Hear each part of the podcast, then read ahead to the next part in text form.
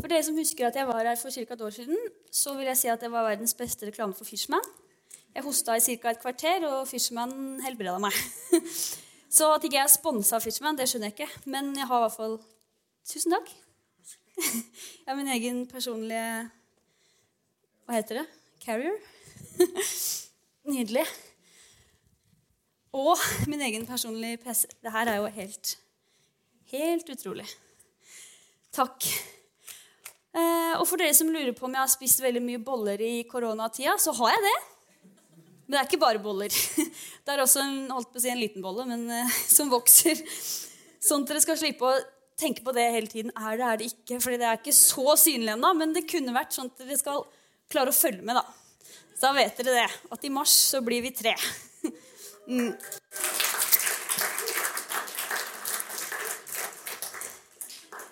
Jeg begynner med Fishman først som sist. er det én ting jeg gjerne skulle vært fri fra, så er det teknologisk trøbbel. Jeg skulle gjerne hatt mye frihet fra det, fordi PC-en min gikk duken. Og når jeg har en PC, eller Mac da, som er snart ti år gammel, så vet jeg ikke om det hadde hjulpet å lade den. Så da fikk jeg heldigvis hjelp av Yngvar å låne hans Mac. Men eh, frihet. Eh, frihet har vært tema i september, har jeg skjønt. Og jeg har fått frihet fra bitterhet. Jeg syns det var litt heavy. Og det er litt vanskelig. Men jeg har tatt utfordringen, og jeg føler Gud har lagt den opp i hjertet mitt. Men frihet, det er jo Ja, det er veldig vidt. Og frihet defineres jo som det motsatte av å være bundet. Eh, og det er nok veldig mange ulike oppfatninger av hvordan man opplever frihet, eller hva frihet er sånn helt konkret for hver og enkelt. Men for meg, så, når jeg skulle liksom se for meg hva frihet var, så eh, fikk jeg liksom et bilde av to åpne hender. To tomme, åpne hender som var klare til å gjøre det jeg vil, eller eh, eh, arbeide med det jeg vil, og det jeg brenner for. Og så så jeg det som når du har vært på fjellet, eller gått oppover fjellet, og så er det bare kjempetett tåke. Og så, når tåka letter, og du får liksom se alt rundt deg, og du får se naturen, og du får se menneskene Det, liksom, det å se det er også for meg en, en frihet. Eh, og også det å kunne se liksom, behovene, sånn at jeg kan gjøre det jeg brenner for med hendene mine. Og noen ganger Jeg vet ikke om dere har lagt, jeg vet om han er. Jeg får julestemning av å se på han, men, men det her er jo en, eh, en, av de tre vise mennene i 'Reisen til julestjernen'. Uh, og grunnen til å ta med han er at noen ganger så kan vi, og jeg, da, bli oppslukt i våre egne tanker, sånn at vi blir hindra i å se omverdenen. Uh, jeg husker han som en veldig sånn fjern som går og snakker med seg sjøl og dulter borti litt sånn forskjellige ting og sånn. En litt sånn typisk uh, professor som vi kanskje har liksom et noen skrullete bilder av med grått hår og sånn. Og det var en professor som sa om andre professorer at eh, de egentlig bruker hele livet sitt inni sitt eget hode, og at kroppen det er egentlig bare et redskap for å forflytte hodet til forskjellige steder og forelesninger og sånn. Eh, jeg liker også å reflektere og undre over ting. Og jeg kan kjenne meg igjen i noe av den lidenskapen som filosofer og forskere og sånn eh, leter etter. Den lidenskapen etter å finne svar eller finne sannheter. Og jeg vet også at pga. dette så kan jeg i liten, og noen vil si stor grad, være litt fjern. Fordi det kan gjøre at jeg går inn i mitt eget hode og blir på en måte der i tankene mine. Og så legger jeg ikke så mye merke til hva som skjer rundt meg, men at tankerekken min, eller det, som, måte, det jeg tenker på, det tar hele plassen. Eh, og i Johannes 8, 31-32 så står det da at Jesus sa da til jødene som var kommet til tro på ham.: Hvis dere blir i mitt ord, og er, er dere virkelig mine disipler, da skal dere kjenne sannheten, og sannheten skal sette dere fri. Og jeg tror på det Jesus sier om at det er sannheten som setter oss fri. Fordi som en liten grubler så er det veldig lite som er mer frigjørende enn det å finne svar det å finne en sannhet, i beste fall. Jeg tror at frihet er å vite sannheten om verden. Det store spørsmålet som vi alle leter etter, og det spørsmålet som alle på et eller annet tidspunkt stiller seg selv. Hva er meninga med livet? Hvorfor er vi her? Hvordan er vi her? Alle disse store spørsmålene. For hvis ikke jeg har en sannhet om verden, så vil jo det alltid være det spørsmålet jeg kommer tilbake til. Hvis jeg grubler veldig mye, så vil man aldri falle til ro med akkurat det spørsmålet.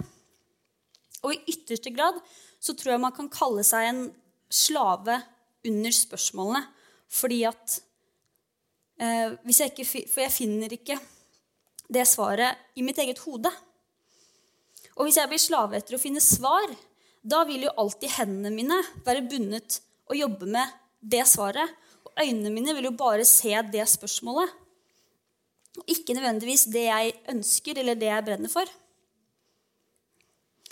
I 2. Korinterne 3, 16-17 så står det Men når dere vender dere om til Herren, så blir sløret tatt bort. Herren, det er ånden, og hvor Herrens ånd er, der er frihet. Som kristen så kan jeg si at jeg har funnet dette svaret.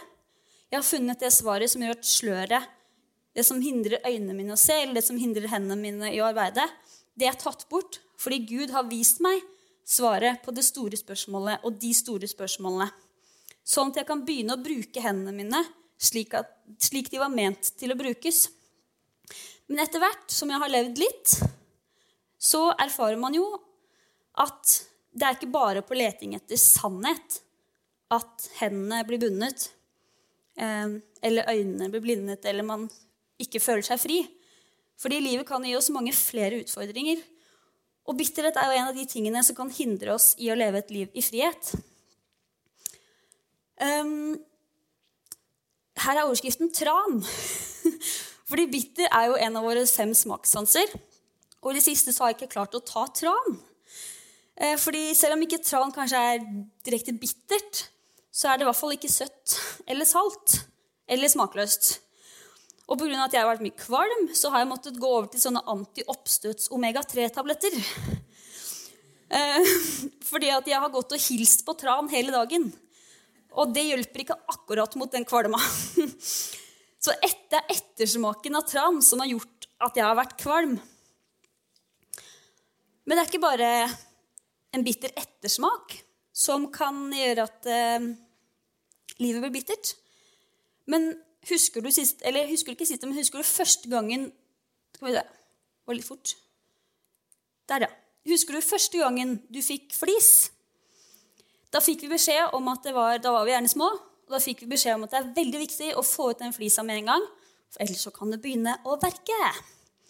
Og flisa kunne gjøre vondt i seg sjøl, men det å pirke i den for å få den ut, det gjorde jo gjerne at det ble, gjorde enda vondere. Og flisen gjorde vondt i seg sjøl. Ja, eh, men det vi ikke visste, var at og som vi etter hvert lærte da, kanskje noen ganger på den vonde måten, var at hvis vi ikke pirka i den, så ville det gjøre det enda vondere. Og det ville ta enda lengre tid før såret fikk gro. Det var bedre egentlig da å bare stå i den smerten av å pirke ut den flisa med en gang.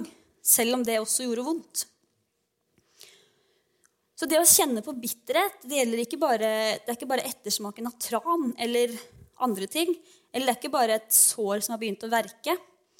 Vi finner, befinner oss alle en eller annen gang i en situasjon som gjør at livet blir bittert eller, eller surt, eller noe som gir livet et verkende sår. Og det er ikke alltid så lett å leve et liv helt uten bitterhet. Jeg tror ingen kommer til å komme gjennom livet helt uten bitterhet. Disse to, Poggi og Derico, det er to psykologer. Og de har sagt om bitterhet at det er en følelse som ligger mellom sinne og tristhet. Altså det er en sammensatt følelse av de grunnfølelsene vi har. Eh, og følelsen har så mye til felles med sinne fordi den ofte, som sinne, kommer som en følge av å føle seg urettferdig behandla. Og kanskje nettopp derfor er det så vanskelig med bitterhet. Det er så komplekst. For det er nesten sånn uhåndgripelig. Du merker nesten ikke at den er der før den virkelig er der. Det er liksom et verk som sakte, men sikkert, et sår som sakte, men sikkert begynner å verke. Og den har som regel ikke bare én stamme. Ikke bare er du sint fordi du har opplevd noe fælt, men du er kanskje også trist fordi du ikke kunne gjøre noe med det. Og opplevelsen av urettferdigheten midt i dette gjør jo alt verre. Og vi kommer alle til å oppleve urettferdighet og skuffelser i stor og mindre grad. Og noen ganger så klarer vi ikke å ta bort flisa før verket begynner å komme. I Bibelen så fins det også mange eksempler på mennesker som har opplevd bitterhet.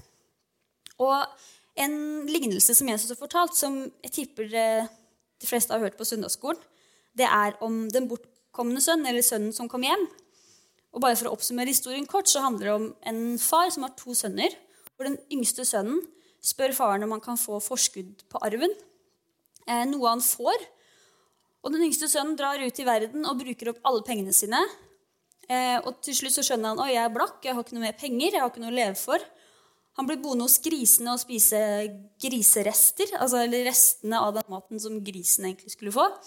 Og skjønner at oi, men her, her har jo det mye verre enn det tjenerne hjemme hos pappaen min har.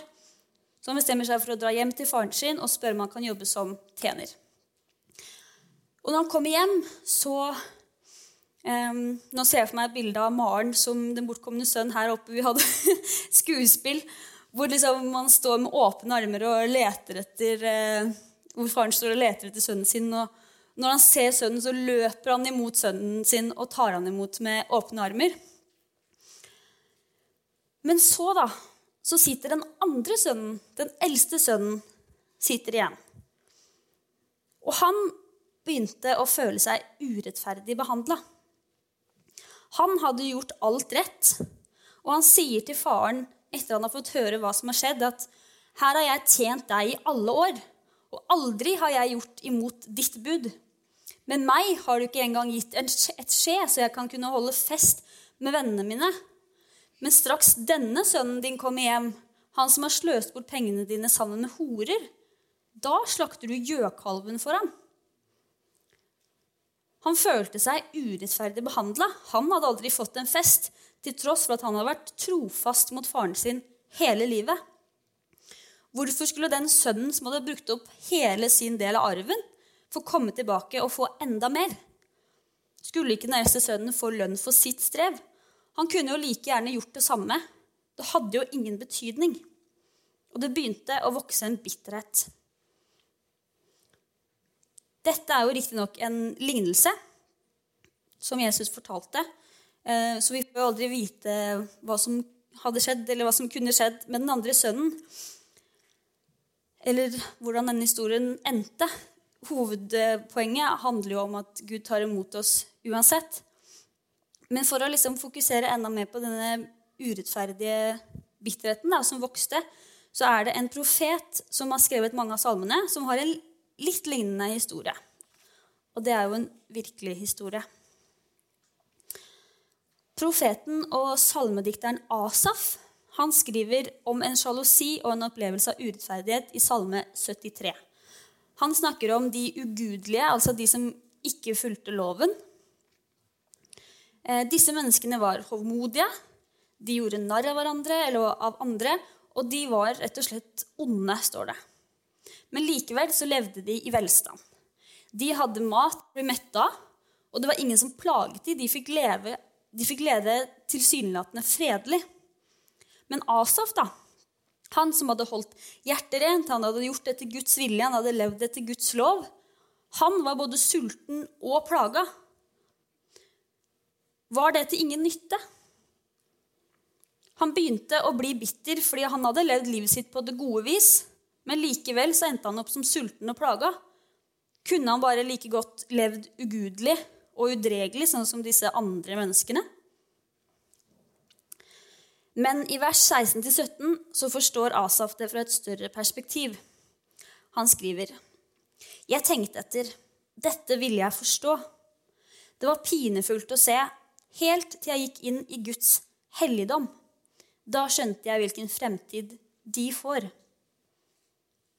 Da Asaf gikk inn i Guds helligdom, da fikk han svar på den bitterheten og det spørsmålene som han hadde begynt å stille seg. Men hva vil det egentlig si å gå inn i Guds helligdom? Mange steder i Bibelen så er egentlig Guds helligdom et uh, fysisk, konkret sted.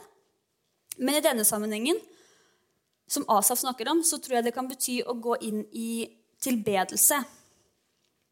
Uh, det kan gå, bety å gå i møte med Gud i bønn. Og om det å være hellig, da kan man si at man er skilt ut fra verden og innviet til Gud. Så ved å gå inn i Guds helligdom så kan man derfor gå inn i et større perspektiv, og man kan legge de menneskelige følelsene og tankene til side, og så kan man la Gud vise oss sine sannheter. Sånn som Johannes skriver eh, i vers, nei, kapittel 8, som vi leste i stad, at da skal dere kjenne sannheten, og sannheten skal sette dere fri. Asaf opplevde rettferdighet ved å se det som ville skje med de ugudelige. Sannheten om hvorfor det var verdt å leve et liv sånn som han levde det, etter Guds vilje. At det livet han hadde levd, var det gode livet. Og at det tilsynelatende gode livet ikke var det gode livet i Guds øyne. Men for deg så kan det bety noe helt annet å gå inn i Guds helligdom. Og du kan få se sannheter som hjelper akkurat deg i din situasjon og i din bitterhet til å finne svar. Og det kan være, sjalusi, det kan være misunnelse, det kan være anger, det kan være et sår som har fått verke og gjort vondt i veldig mange år. Og da jeg begynte å tenke på bitterhet i mitt eget liv, så måtte jeg ikke lete så veldig lenge. Fordi i snart et år nå så har jeg vært sykemeldt pga. stress. Og jeg ble til slutt eh, utbrent eh, og sykemeldt. da. Men, og grunnene til dette kan være veldig mange, men, men man får et behov for å se tilbake på livet sitt og hvordan har man havna her. For jeg var jo, eller er, jeg vil si fortsatt, jeg er ung. og jeg hadde en fin jobb, og jeg har en fin mann, jeg har en god familie, jeg har gode venner. Jeg hadde en bra kirke rundt meg. Det var egentlig ingenting som skulle tilsi at jeg skulle bli sykemeldt og ja, stoppe opp. Men, så det gikk egentlig ikke helt opp. Men jeg begynte til slutt å se på timeplanen min. Og I studietiden så hadde jeg sjonglert mellom studier og jobb og kirke. Ekstra sommerjobber. Og det siste året så hadde jeg begynt i en helt ny jobb. Og selv om dagene ikke var fulle, for når man er student, så har man gjerne en del slack, så hadde jeg likevel så mange ting i hodet samtidig at jeg, jeg klarte ikke å eh, Men hodet mitt begynte å bli fullt, selv om ikke timeplanen var full. Og halvåret før jeg ble sykemeldt, så toppet det seg med at jeg skulle planlegge bryllup. Jeg skulle være forlover, være et leirprest, være toastmaster. Jeg hadde mange ekstra eh, oppgaver da, ved siden av det her med jobb og studier og kirke og alt sånn. Eh, og dette bare på noen få måneder. Så etter hvert når jeg fikk roa meg ned, så skjønte jeg jo at ah, det var nesten litt ekkelt, for jeg skjønte at jeg var jo sjøl grunnen til at dette skjedde. Jeg hadde jo ikke sagt nei til noen ting. Jeg visste at jeg allerede hadde liksom mye, mye, ting å gjøre i livet, og så har jeg sagt ja til liksom attpåtil mange andre ting. Så jeg hadde rota meg inn i et, i et nett av full timeplan og forventninger. Og til slutt så satt jeg igjen med en tom timeplan og forventningsangst. Jeg klarte ikke engang å svare på meldinger. Det har mamma merka. Eh, jeg kjente at jeg angra.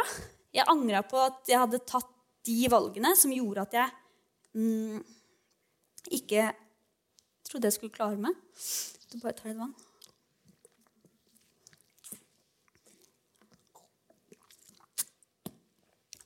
Ja, jeg kjente at jeg angra på de valgene jeg hadde tatt.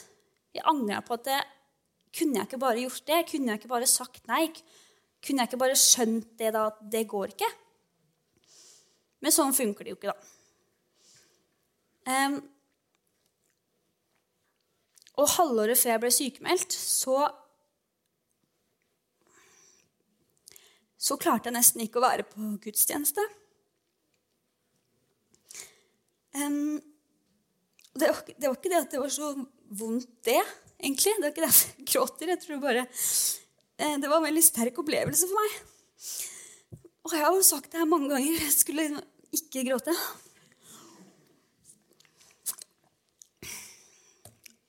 Ja. Jeg må bare lese litt sånn at jeg gjør det litt lettere. Mm. Jeg later som det er en roman, jeg. Så kan dere ta det som dere vil. Halvåret før jeg ble sykemeldt, så klarte jeg nesten ikke å være på gudstjeneste. Fordi under lovsangen så var det eneste jeg ville, det var å legge meg ned og gråte. Og det orka jeg ikke. Jeg var voksen. Eh, men nå skjønner jeg at det var det Gud forsøkte å fortelle meg. Han, skulle, han prøvde å fortelle meg at jeg måtte legge meg ned. Jeg hadde for mye. Hodet mitt var fullt. Mm. Og en sang som sitter igjen som et svar fra Gud dette året, er So Will I. For noen handler nok denne sangen om å gjøre og utføre, men for meg så handlet det om å bare kunne få være.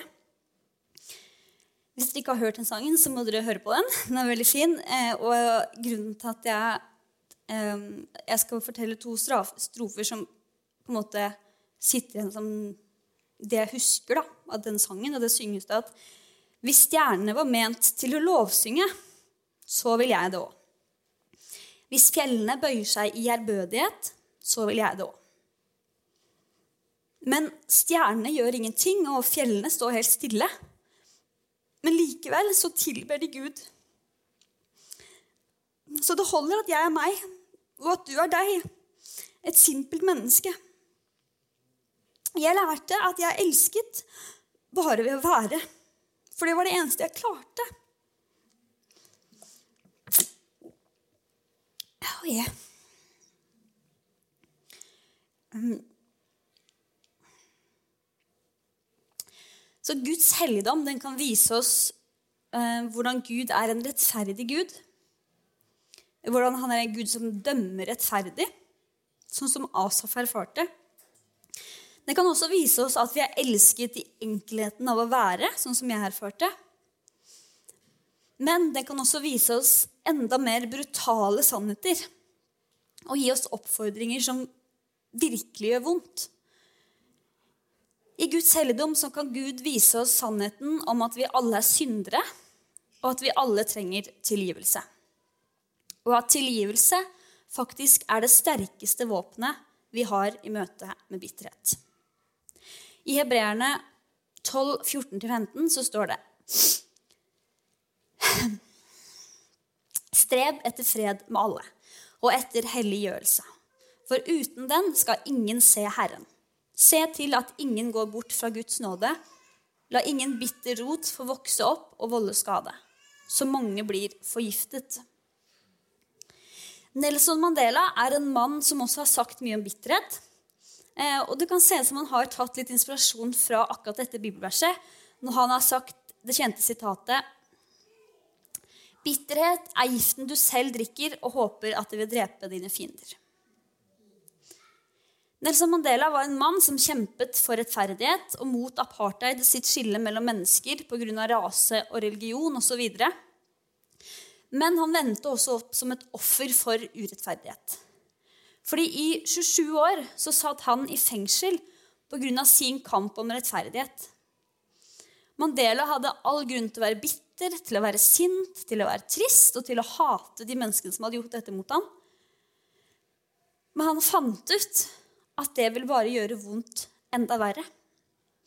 Han har sagt at da jeg gikk ut døra mot portalen som ledet til min frihet, altså når han var sluppet fri fra fengselet, så visste jeg at dersom jeg, dersom jeg ikke lot bitterheten og hatet ligge igjen, ville jeg for alltid være i fengsel.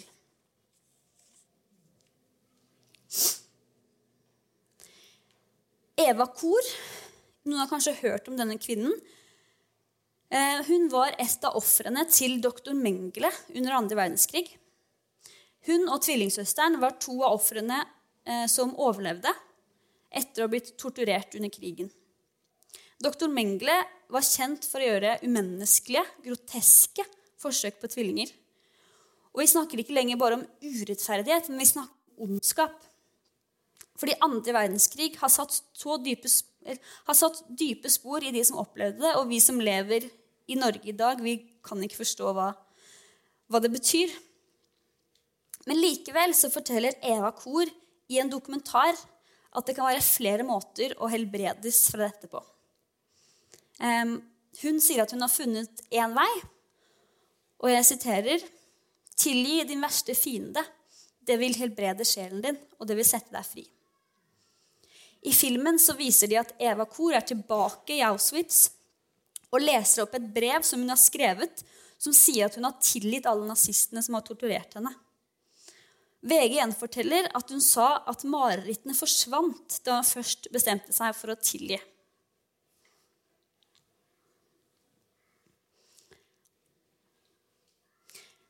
Eskil Vika Amundsen, som i disse tider er aktuell med en dokumentar som heter 'Min fars drapsmann', fikk for ti år siden vite at faren hans var drept. Nå er drapsmannen ute av fengsel, og Eskil har bestemt seg for å møte ham fordi han nettopp er nødt til å tilgi. Han sier at han ikke orker å leve resten av livet med hat, og at hatet hindrer ham i å leve livet. Disse tre menneskene har fått erfare på forskjellig vis at bitterhet og hatet har gjort dem bundet. De forteller at de ikke ble ordentlig fri før de klarte å tilgi. Bibelen forteller oss at tilgivelse er en makt vi har blitt gitt. I Johannes 2023 så står det at dersom dere tilgir noen deres synder, da er de tilgitt. Dersom dere fastholder syndene for noen, er de fastholdt. Så ved å gå inn i Guds helligdom så får vi se at menneskene er syndige og trenger tilgivelse. Og vi får se at vi er gitt makten å tilgi. For det, sitter, for det setter ikke bare de vi tilgir, fri, men det setter også oss selv fri. Og det er ingen lett løsning på bitterhet. Det høres veldig lett ut. Det høres ut som bitterhet pluss tilgivelse er lik frihet. Og til en viss grad så er det det, men det er også veldig komplekst. Fordi den kan gjøre så vondt. Det er så mye smerte i det regnestykket. Men vi trenger å finne de sannhetene, sånn at hendene våre kan bli fri. Sånn at øynene kan se klart. Vi må bli fri fra hatet, så sjelen vår ikke vil sitte i fengsel. Vi er gitt det valget, og valg kan være vanskelig. Det har jeg lært av pappaen min. Livet består av valg. Og det har ikke gjort det så mye lettere å gjøre valg. For det kan være vanskelig nok å velge hva du skal ha til middag. Men det gjelder å velge det rette. Og vi vet at det kan gjøre vondt. Har du noen gang vært ute og gått en skitur, en skikkelig lang skitur? Det begynner å bli skikkelig kaldt, og skihanskene dine er ganske tynne. Og på veien hjem så begynner du å bli kaldere og kaldere på hendene. Etter hvert som du nærmer deg hytta, så mister du følelsen i lillefingeren. Så mister du følelsen i tommelen. Og nå er hele hånda øm og kald, og du bare tviholder på stavene. Det gjør ikke vondt nå, fordi nå har du blitt vant til kulda. Og hendene er jo helt lamma, så du føler ingenting. Men du vet at når du kommer hjem, så må du slippe stavene. Du må ta av deg hanskene, og du må gå inn i varmen. Du vet at det vil gjøre vondt, og det gjør det. For når du er tilbake på hytta og skal ta av deg skiene Og etter å ha gjort det, så skal du ta av deg stavene. Så klarer du så vidt å strekke fingrene nok ut til at du får tatt de ut av stavene, og at de slipper taket. Og når du er inne på hytta, så drar du forsiktig av én og én hanske før du gjør det du har bestemt deg for, og vasker hendene i lunkent vann. Først i kaldt vann, så i litt varmere, og til slutt i varmt vann. Det gjør så vondt, og det pitrer i huden. Det er så varmt at det kjennes kaldt. Men så kommer følelsen tilbake. Litt etter litt. Og etter en liten stund så vil du bare stå der med hendene i rennende vann. For det kjennes bare godt. Og de stive, kalde, ømme hendene er bare et vondt minne. Men du føler det ikke lenger. Hendene er et bilde på den bitterheten som har fått slått rot. Du har ikke tatt ut flisen fort nok. Du har fått latt hatet synke inn. Og det rennende vannet er et bilde på Gud. Han viser deg sannheten. Den kan virke veldig vanskelig først, og den kan gjøre vondt. Men når du, når du gir det tid, og når du stoler på vannet, så vil det gjøre deg bedre. Og etterpå så er hendene nok en gang fri Fri til å gjøre det du ønsker, det du brenner for. Det er ikke lenger fastlenka til stavene. Og øynene dine kan se den fine utsikten du har på hytta, og ikke bare de frosne hendene som, som du fokuserer på. Jeg vil avslutte med det perfekte eksempelet på hvordan vi kan leve et liv i frihet. Og ikke bare rette opp i den bitterheten som allerede har fått slått rot. Og Jeg kaller det perfekte eksempelet fordi det er et eksempel fra Jesu liv um, om hvordan vi kan håndtere det som kan gro til bitterhet. Og Jesus var det perfekte mennesket, um, så dette er et ideal. Det er nærmest umulig å leve opp til, men vi har likevel fått det som et ideal, som et idol, som noe å se opp mot. Jesus har vist oss den rette veien og gitt oss eksempler på det perfekte livet. Da Jesus hang på korset, etter å ha urettferdig blitt dømt til døden, så tyr han ikke til bitterhet. Han kunne ha beskyldt alle som var der, for å ha drept feil mann, for å ha drept en uskyldig mann. Men han tok straffen uten bitterhet. Han kunne gitt dem huden full av hvor urettferdig og feil de hadde handla. Men isteden sier han dette i kjærlighet. Men Jesus sa, 'Far, tilgi dem, for de vet ikke hva de gjør.' Så kastet de lodd om klærne hans og delte dem mellom seg.